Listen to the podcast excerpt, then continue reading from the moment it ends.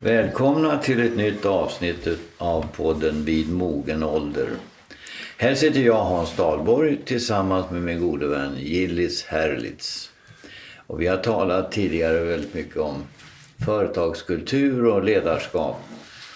Jag reflekterade efteråt och kom på att eh, väldigt mycket av ledarskap handlar om att hantera svåra situationer, ibland till och med kriser.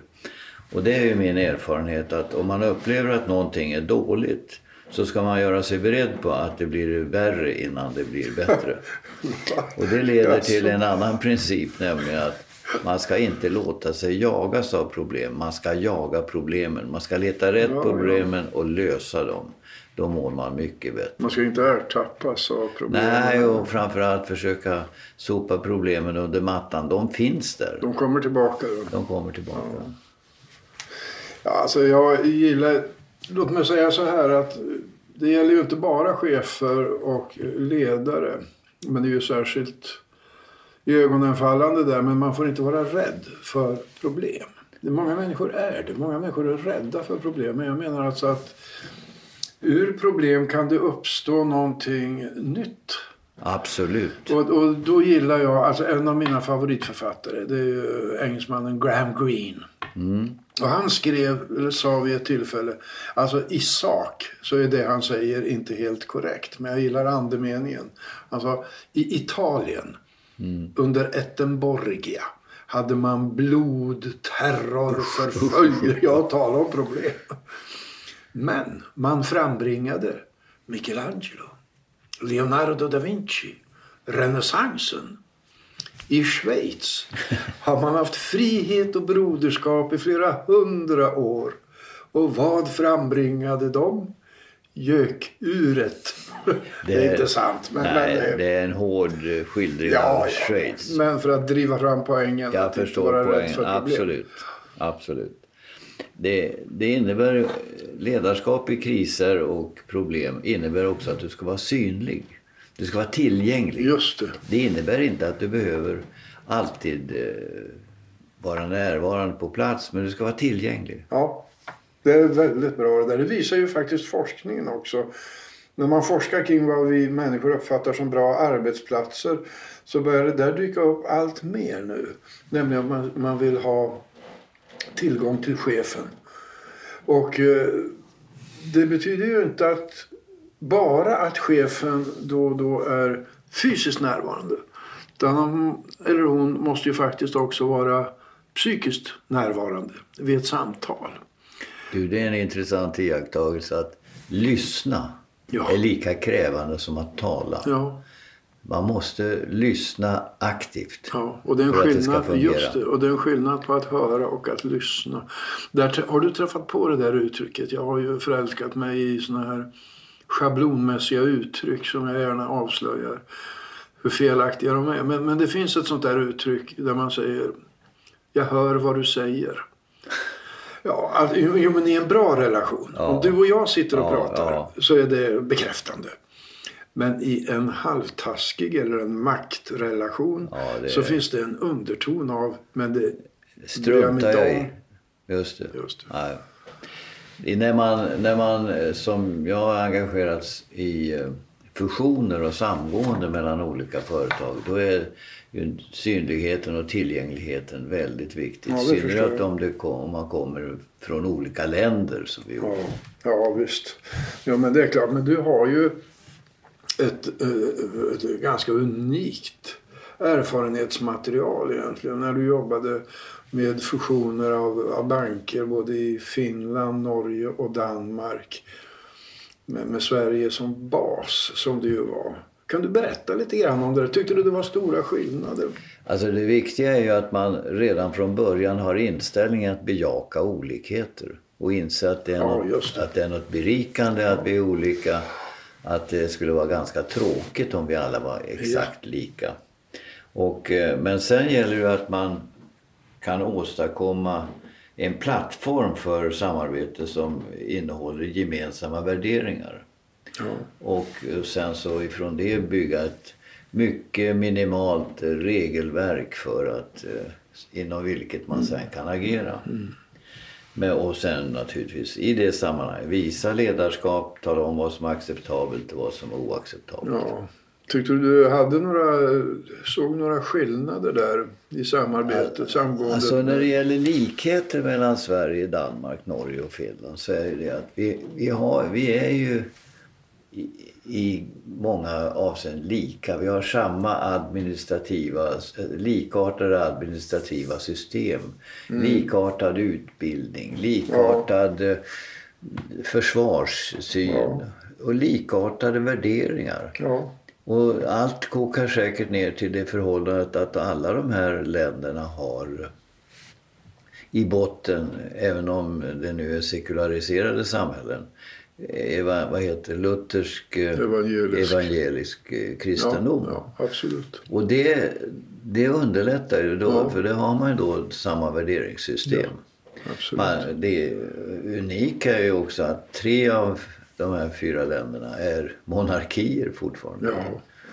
Och, eh, så att det finns likheter. Jag sa ofta att eh, vi är tillräckligt lika för att kunna jobba ihop.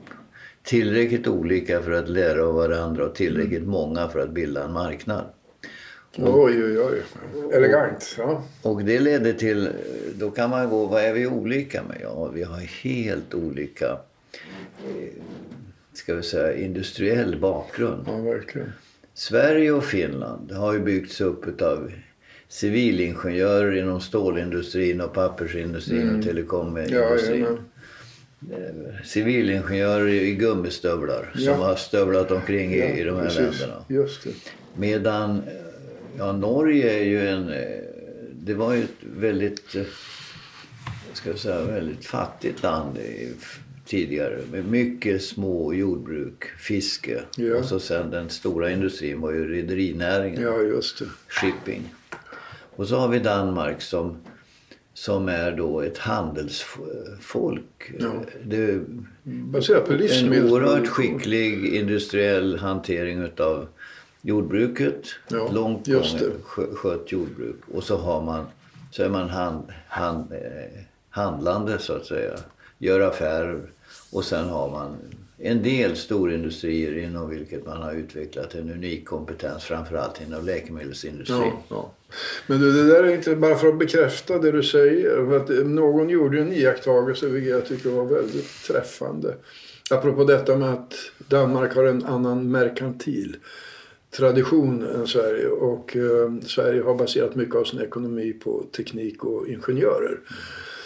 I eh, varje stad, även små städer i Danmark med självaktning, finns det en handelsskola.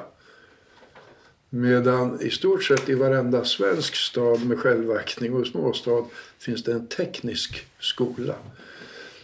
Så att Ja, det här, det- det är kul. Det är väldigt intressant. Ja, Sen kan man nog säga att man har gjort mätningar för om, om hur, hur man, vilka värderingar man hade. Och då kunde man konstatera att mainstream thinking, alltså att Ja. man tänker i huvudfåran. Den, den 80 70-80 procent eh, av befolkningen hamnade där i Sverige. ja. Men i Danmark låg den neråt 50. det Alltså, ante mig. Ja. Alltså det, man är mycket mera debattglad, Ja. mycket mera beredd att ha avvikande åsikter. Mm. Mycket mera beredd att eh, avstå från att vara politiskt korrekt i Just det. Danmark. De har ju hånat svenskar för det bland annat. Att vara så politiskt korrekta. Ja, alltså när, när, när man kommer ner till ett danskt kontor så är tonläget mycket högre. Man talar högt och man kan låta nästan arg. Mm. Så man är, man är arg på varandra. Men sen går man ju ut och tar en öl på kvällen. Ja, Men det här beteendet har ju varit ja, var ju svårt för många svenskar. Så vi, vi, vi undviker ju konflikter. Vi, Ja. Och det, det blev då... det är också någonting som visar sig i den här forskningen jag refererar till. Jämfört i Öresundsregionen vet jag man haft ett samarbete länge och tittat bland annat på svensk och dansk arbetsplatskultur. Och eh, nu är det ju så att trygghetssystemen på arbetsplatserna ser lite annorlunda ut. I Sverige är ju tryggheten väldigt hög. Medan i Danmark är den lägre. Och det där har också skapat, enligt den här rapporten eh, jag har läst, så har det skapat en större beredskap för och en större medvetenhet om konkurrens i ja, Danmark. Ja, ja. Och det betyder att, att eh, debatten blir annorlunda. Man konkurrerar på ett annat sätt än vad svenskar gör. Det man kan också se det är att Sverige och Finland har alltid lättast för varandra. Ja. Men det är inte så konstigt heller eftersom vi har 600 års historia tillsammans. Mm. Sverige och Finland har aldrig varit i konflikt med varandra, i väpnad konflikt, Nej. aldrig krig. Nej. Sverige och Danmark ja. har krigat i århundraden ja, om hegemonin i ja, Östersjön. Gustav II Adolf och uh, Kristian IV kämpar ju väldigt mycket. Vem är det som ska bestämma här ja, i Norden? och uh, en gång i tiden fanns ju en Kalmarunion från 1397 med dronning Margrethe som, och hennes styvson Erik av Pommern tror jag. Och eh, det var ju Gustav Vasa som bröt upp det här och sa att det här vill vi inte vara med om. Mm. Särskilt efter, naturligtvis efter Stockholms blodbad 1520. Mm. Men eh, så att Kalmarunionen slutade ju med att Sverige bildades som ett, ett fristående land. Ja, inkluderande ja. det som idag kallas, den, kallas Finland, den ja. östra ja, rikshalvan. Just det. Jag var en god gammel bondeman der skulle gå ud efter øl. Der skulle gå ud efter øl. Han skulle gå ud efter øl, efter øl, efter ham, sa sa, tra la la la. Han skulle gå ud efter øl. Til konen kom der en ung student, mens manden var ude efter øl. Mens manden var ude efter øl. Mens manden var ude efter øl, efter øl, efter ham, sa sa, tra la la la.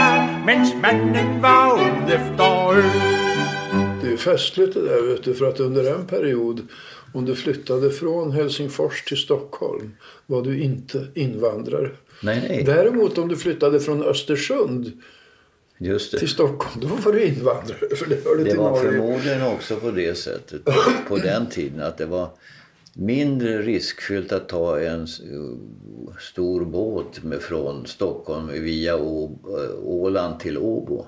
Mm. än att eh, ta, åka med häst och kärra upp till eh, Hälsingland Absolut. eller söderut till Tiveden. Ja, det tror jag. Det tror jag också. Stråtrövarna var betydligt flera till last. Härliga tider. Nej men det, det, historien har ju präglat ja. väldigt mycket mm. av detta. Och norrmännen då? Hur funkar det med, med norrmännen tur? Alltså norrmännen är inte... På de, är, de är ju ganska... De, man förstår ju norska bäst. Ja det är oerhört lätt att, att förstå norska. Och, de, eh, och Sverige och Norge har ju inte heller haft så förfärligt mycket strider. Vi hade en union ja, som ja, inte norrmännen gillade och som upplöstes 1905 till Oscar IIs förtvivlan ja. men till uh, norrmännens och alla Sön, många, sönerna och sönerna, ja, ja, prins Eugen var ju helt för att ja, man skulle lösa upp det här. Så att uh, Sverige och Norge har lätt att, att eh, samtala. Man ska ha klart för sig att Norge och Sverige är väldigt stora handelspartners. Ja. Norsk eh, export till Sverige är stor och Sveriges export till Norge är också stor. Norges ekonomi förvandlades ju dramatiskt genom eh, de fyndigheter man hade av olja så gjorde att Norge blev ett av världens rikaste länder ja. med en inkomst per capita som är mycket hög. Mm. Och eh, det, det har ju präglat det moderna Norge väldigt mycket. Ja. Men det har också inneburit att när man utvecklar oljeutvinningsindustrin så söker man de bästa experterna. Man sätter mycket pengar på teknisk utveckling och det leder till att man driver upp lönerna. Inte bara inom oljeindustrin Nej. utan det lyfter ju ja. även på andra ställen. Och det leder till att det blir också dyrt i Norge Ja. och som vi vet så gränshandeln Ja. mellan Norge Har och... du varit i Charlottenberg någon gång? Nej. De ligger på gränsen i Värmland. Och där har de alltså ett av de större och mer välsorterade systembolag jag någonsin har sett. Liksom en jättelik lada med smågodis. Och det är ju direkt alltså Konsekvens. konsekvens av gränshandeln. Av priser i Norge och priser i Sverige. Så att, eh, och det, det bidrar naturligtvis till de här siffrorna utav hög eh, aktiv, aktivitet på handelssidan. Kommer du ihåg att Björn Rosengren i ett obevakat ögonblick eh, undslapp sig någonting när han trodde att kameror och bandspelare var avstängda? Ja, han sa ju att eh, Norge är den sista Sovjetstaten. Ja. Och det, vad han menade där, det var ju att de stora industrierna och företagen var statliga. Just och det. styrdes då utav Stortinget. Mm. Och eh, som kanske, han, inte i alla delar var de mest affärsmässiga Nej, personerna nej, i landet. nej. Men eh, det stora, första stora norska bolaget var ju Norsk Hydro som tog hand om eh, vattenkraften. Ja, just det, just det. Men sen kom ju Statoil och, och de andra oljeutvinningsföretagen. Och man har ju idag plockat upp olja och omvandlat det till finansiella tillgångar. Så att man idag har en fond på 6 000 miljarder Snälla nån. Det är- 6 000 så- miljarder. Man förstår inte ens hur många nollor det är. Nej, det är väldigt mycket nollor. Så att eh, Norge har ju genomgått en eh, dramatisk förvandling på de senaste 50 åren. Men de, men de eh, oljepengarna ligger lite låsta eller? Ja, de får inte använda mer än 4% av avkastningen tror jag på de där. Och Norge har ju fortfarande ett behov av att bygga upp sitt vägnät och sitt eh, kommunikationsnät. Så att eh, Men du- in- infrastruktur, investeringar tycker jag man skulle kunna satsa på lite mer. Ja, men du, eh, det finns ju en betydelsefull skillnad mellan Norge och Sverige. Jag hörde om den på, på radio nu när, när jag åkte hit. Och det är synen på landsbygden och landsbygdens befolkning. Alltså, det är långt ifrån samma situation i Norge just nu. Eh, som har varit länge i Sverige, nämligen en avfolkning. Där sker en avfolkning men inte alls i samma takt. Därför att man har väldigt mycket service ute på landsbygden. När jag förhandlade med finansministern om att förvärva, vi skulle förvärva för kreditkassan så, så sa han, frågade han om jag förstod hur långt Norge var. Ja, det trodde jag, sa han. Och han sa, Dalborg och Huske, sa han, att om man vänder Norge söderut så når man ända till Bagdad. Alltså man har en kustremsa ja. som är 2200 mil eller något sånt där. Och Norge är ju så långt upp så att det omsluter Sverige. Mm, ja. Och gränsar då till Finland och Ryssland. Ja, uppe i. Kirkenäs där uppe. Just det. Ja. Och det han menar med det där, det var att om ni ska förvärva banken så slå vakt om de här små orterna. ja, just det. Eh, det Norge, Intressant. Ja. Man var väldigt noga med att det skulle finnas bankkontor i även i små, by, små städer. Ja, och, och eh, här. och eh, Norge är ju väldigt smalt på vissa ställen. Jag tror det smalaste stället är 6,3 kilometer. Jaha. Det är ingenting. Nej. Men alltså i- på, i det här radioprogrammet förklarade man en del av den här uppmärksamheten kring och eh, det relativa välståndet på landsbygden med att man har i Norge haft en tradition att när, när man tar ut vattenkraft och, och så där så har man politiska beslut på att en, del, en hel del av avansen ska stanna i bygden. Just det. Och det har inte alltid varit fallet i Sverige. Vilket Nej. gör att många jämtar exempelvis är väldigt upprörda över, över eh, Stockholms besluten att pengarna går dit. Det är nog, det är nog korrekt att, att eh, man, man är betydligt mindre benägen att hålla sig till centralbyråkraternas just positioner. det. Just det. Och kommer man till Bergen så jobbar man hellre ihop med en svensk än med, med någon ifrån Oslo. Ja, är det så? alltså jag bara skojar Ja, lite ja, grann. ja, Men, men alltså Bergen, Bergen eh, Oslo. Den kampen är, den är mer intensiv än Göteborg, Stockholm. Jaha, ja. Oj. På allvar eller, Eller- skämtsamt? Eller hur? Ja, men jag är mest på skämt. Ja, mest på skönt att höra. Tyckte du att du märkte någonting av allt detta? Märkte någonting av de här skillnaderna vid sammanslagningar och i det dagliga arbetet Ja, på alltså, banken? vi, vi- när vi gick ihop med eh, Finland först så frågade jag ju mina finska vänner "Vad- ska vi ha för språk i ledningen. Exempelvis. Vi ska tala svenska, sa de. Vi, föreningsbanken i Finland var tvåspråkig. Det går bra med svenska. Men man ska ha klart för sig att om svenskar får tala svenska och finländare får tala svenska så talar ett på sitt modersmål Ja. och de andra på, sin, på ett annat språk. Och det är en, En även om de är duktiga på svenska så blir det en maktförskjutning. Ja, ingen människa sitter ju i ett möte med en annan människa, avbryter var tredje ord och frågar vad betyder det? Nej, just Vi låtsas ju att vi förstår det. Vi hoppas att vi förstår. Så Jag det tjatade ju väldigt mycket om att svenskar, vi svenskar skulle tala tydligt, ingen slang, utan tala som om det- vi tog orden direkt ur skolböckerna. Mm. Och det tror jag var en väldigt viktig princip. Men eh, så småningom när dansk, danskar och norrmän kom in i bilden så blev det engelska i alla fall. Det blev engelska. Ja, I synnerhet eh, finländarna var väldigt tveksamma till danska. Mm. Och det tror jag många svenskar också är. Ja. Det, en gång satt jag i ett eh, finskt radioprogram, eller tv-program med en riktig skjutjärnsjournalist och han sa ja, vi finländare vi tar snabba beslut. Men ni svenskar ni bara pratar och pratar. Ja. Och det fanns alltså en, Ja. en inställning även från finsk sida att, att vi var långsamma vi svenskar att, att ta beslut. Ja, och ibland också lite otydliga. Medan vi från, som kom från Sverige, vi hade en uppfattning att finländarna tog beslut utan att ha gjort någon rejäl analys. Ja. Jag kan ju säga då att eh, det blev så småningom en Nordea-kultur som jag skulle säga innehöll att finländare tog lite längre tid på sig för en analytisk eh, Ja. genomgång och svenskarna blev mer frimodiga att ta beslut. När den här journalisten sa det där till mig att ja, ni bara pratar och pratar.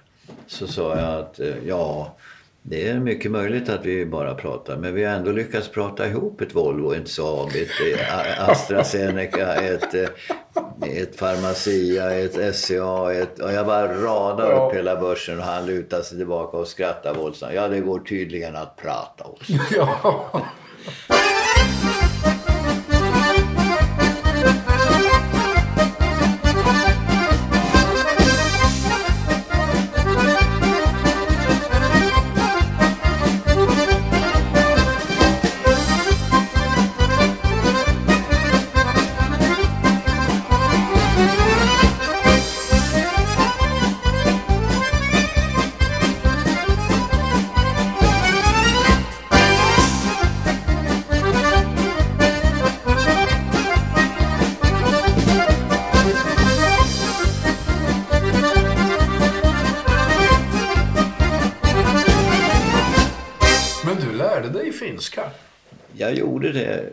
Därför att i vår presskonferens så, så frågade jag när vi gick in, finländare, och så bara, vad, vad heter, vi hade nämligen ett slagord som så- hette en vilja, ett, en, en plånbok. Ja, en vilja, en plånbok. Det heter yksi, yksi takt och yksi kassa. Och så det sa jag. Och det var det första som stod naturligtvis i tidningarna. Sen började jag läsa lite grann på, på skoj och upptäckte till min stora förtjusning att jag tyckte det var väldigt roligt. Men du är ju en språkman. Du har ju att- gått tolkskola. Så, så. Jo, att det var det jag tyckte. Att kan jag lära mig ryska så, så ska jag väl kunna lära mig finska. Men det var ju nästan 50 år emellan, Ja. 40 år emellan. Och, och, men jag hade mina bolagsstämmor på finska och Hade du då en hel stämma på finska? Ja, jag höll mina tal. Men, Ja. svar, men eh, frågorna kom så talade jag något annat språk. det är väldigt svårt att... eh, så- Jag läste ju finska en gång i historien också så Ja, du, på, på du, kursverksamhet. du jobbade i Finland? Ja, jag jobbade helt kort. Det var bara väldigt kort på en teater där. Jag hade någon teateruppsättning. Men jag kommer ihåg när jag skulle lära mig finska. Då kommer, kommer lärarinnan in och så säger hon så här. Ja, alltså sa hon, finska det är nu ett ganska svårt språk. Så. Vi har 16 kasus. Och jag tänkte, kasus? Vad fan är kasus? är inte det en bergskedja? Nej, det är Kaukasus. Nej, nej då, så illa var det inte. Men, men, men alltså, det är ju en helt annan uppbyggnad av ord. Ja, alltså språket är ju sånt att man, man har, använder inte prepositioner särskilt mycket utan man, istället använder man sig av ändelser på ordet. Om man säger bil, auto, så säger man i en bil, autossa. Och min bil heter autoni. Och då i min bil heter autossani. Och så kan du lägga till också autossani hin, också i min bil. På det sättet byggs ju... Därför måste man vänta lite grann för att se hur det slutar innan man bestämmer sig vad det betyder. Men det är ett fantastiskt fint språk och det, jag tycker att det är vackert med alla sina vokaler. Och eh, dessutom skild. Det finns inte rum för särskilt mycket small talk.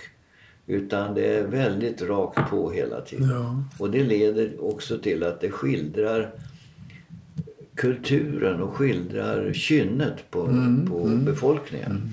Och därför, språk och, och människors känsloliv hänger väldigt nära ihop. Ja, det är klart det gör. Man gråter på sitt eget språk Absolut. och man blir arg på sitt eget språk. Absolut. Jag kommer ihåg när Horace Engdahl som var då ständig sekreterare i Svenska Akademin ondgjorde sig i ett sånt där akademisammanträde över att man på, på Tekniska högskolan föreslagit att man skulle gå över till engelska.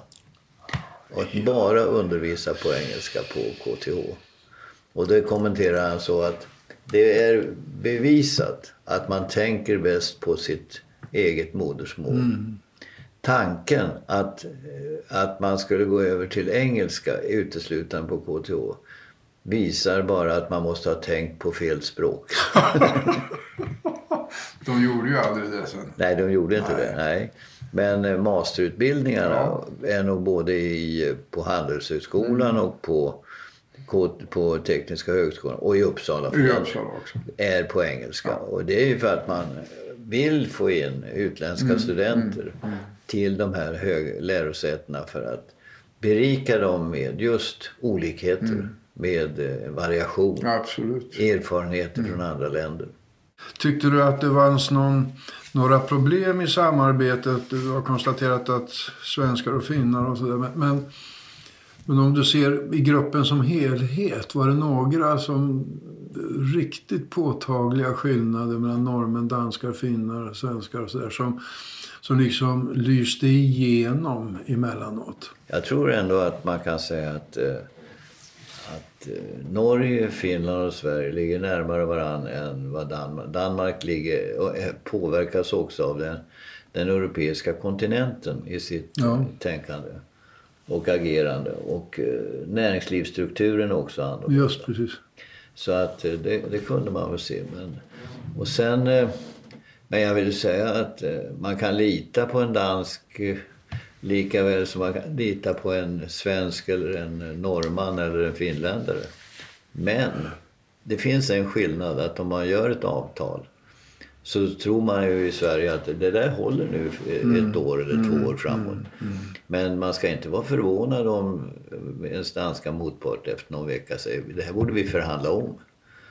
Nej, just det. Alltså, Just det. Där det finns en förhandlingsvilja. Och, Ja, och det där en ligger... helt annan förhandlingskultur. Alltså, Alltså förhandla är helt okej. Och eh, där måste man då, om man inte vill förhandla, säga ifrån ganska bestämt. Att det, Och det är ju så att många svenskar går in i förhandlingar med eh, ordet kompromiss stämplat i pannan. Jaså? Ja, Ja, jo, väldigt många gör ju det. Därför att man måste komma fram, man undvika konflikter, vi får ge och ta. Förhandlande är ett givande och ett tagande. Men det är ju långt ifrån i hela världen man ser det på det sättet. I starkt utpräglade förhandlingskulturer så, så betraktas ju kompromiss lite grann som en förlust. Men det är ju likadant. eh, Alltså, I Finland och i Sverige, de här gamla stål och skogsländerna. Man kunde göra ett avtal och man bara skakade hand och så sa ja, nu är det så här och nu håller vi oss till det. I förhandlingsländer måste du eh, skriva papper på detta och kommer man in i den anglosaxiska världen, alltså Amerika, USA och eh, England. Det är ju 20, 200 sidors avtalstext. Jajamän. Och det är ju ett eldorado för jurister. Advokatfirmorna har ju, lever ju på detta. Och eh, det är ju betydligt tätare med jurister i anglosaxiska länder än vad det är till exempel i Sverige eller Japan. Japan har ju mycket högre täthet på civilingenjörer än vad Mm. de har på jurister. Men I anglosaxiska länder är det tvärtom. Men du Hans, jag måste säga att jag vill återvända till det här du sa inledningsvis, för jag sympatiserar med det. Du sa att det första eh, vi, man måste vara överens om det är att vi är olika. Att vi har olika traditioner och så. Och så gäller det då att lära sig att hantera olikheterna. Och se hur man kan få det att berika. Alltså en finländare måste vara finländare, en svensk en svensk, norrman en norrman och dansk en dansk. Exakt och så. få vara det. Just och utan precis. att någon ska på något sätt eh, ha några synpunkter på det. Nu kan man ju säga, vad, vad är en svensk? Det har vi diskuterat. Om, Ja, vi har gjort det. om det finns någon, eh, alltså en, öster, en västerbottning och en österbottning i Finland kan vara Mm. Ja, närmare varandra än en svensk Ja. eh, västerbottning med en no- skånsk storbonde. Ja, det är klart. Så att, eh, men låt oss säga att vi får vara olika. Men sen lägger man då den där plattformen Just utav precis. Mm. gemensamma värderingar. Hur vi förhåller oss till kunder, hur vi förhåller oss just till precis. personal, jämlikhet, jämställdhet, Mm. eh, lönsamhet Ja, och eh, tillväxt, vad det nu kan vara. Det måste ligga där och det, det, om den kulturen är stark då behöver man inte ha några regler. Nej, utan då så. vet ju folk hur man ska eh, agera i, Människor- och vill agera inom de ramarna. Just precis. Människor vill ju säkert eh, genomgående vara stolta över sin organisation. Och det innebär att man ska ha värderingar som, som man kan vara stolt Som över. Och tål det- ryktet. som tål ryktet, precis. Och det, de yngre människorna ställer ju mycket stora krav på ett företagsbeteende. Ja. Så att... Eh, ja, det finns mycket att säga om det här men, men eh, det är bara att konstatera att vi ska åstadkomma kulturmöten och försöka undvika kulturkrockar. Alltså de här kulturkrockarna, de finns, eller mötena finns ju. Det räcker ju bara att man gifter sig. Hur ska vi fira jul? Ja. Hur ska, man upp- barnen Hur ska uppfostras? Vad ska de läsa för någonting? Ja, alltså det, alltså allt, Bordsskick. allting. Och det, det är klart att det blir samma möten mellan eh, grupper från, två, från flera olika länder Det är självklart. och acceptera det. Ja. Lära sig leva med det. Men inte bara... Jag är lite emot det ordet tolerera. Man ska bejaka olikheterna. Bejaka. Inte det. tolerera, utan bejaka. det. Ja, bejakar man då finns det också ett, ett positivt inställning. Att det finns ett berikande Ja, moment det är precis det. Det är precis det. Med dessa, Kloka ord från Hans. med dessa ord så avslutar vi den här podden Ja. och spelar något Som passar. som passar.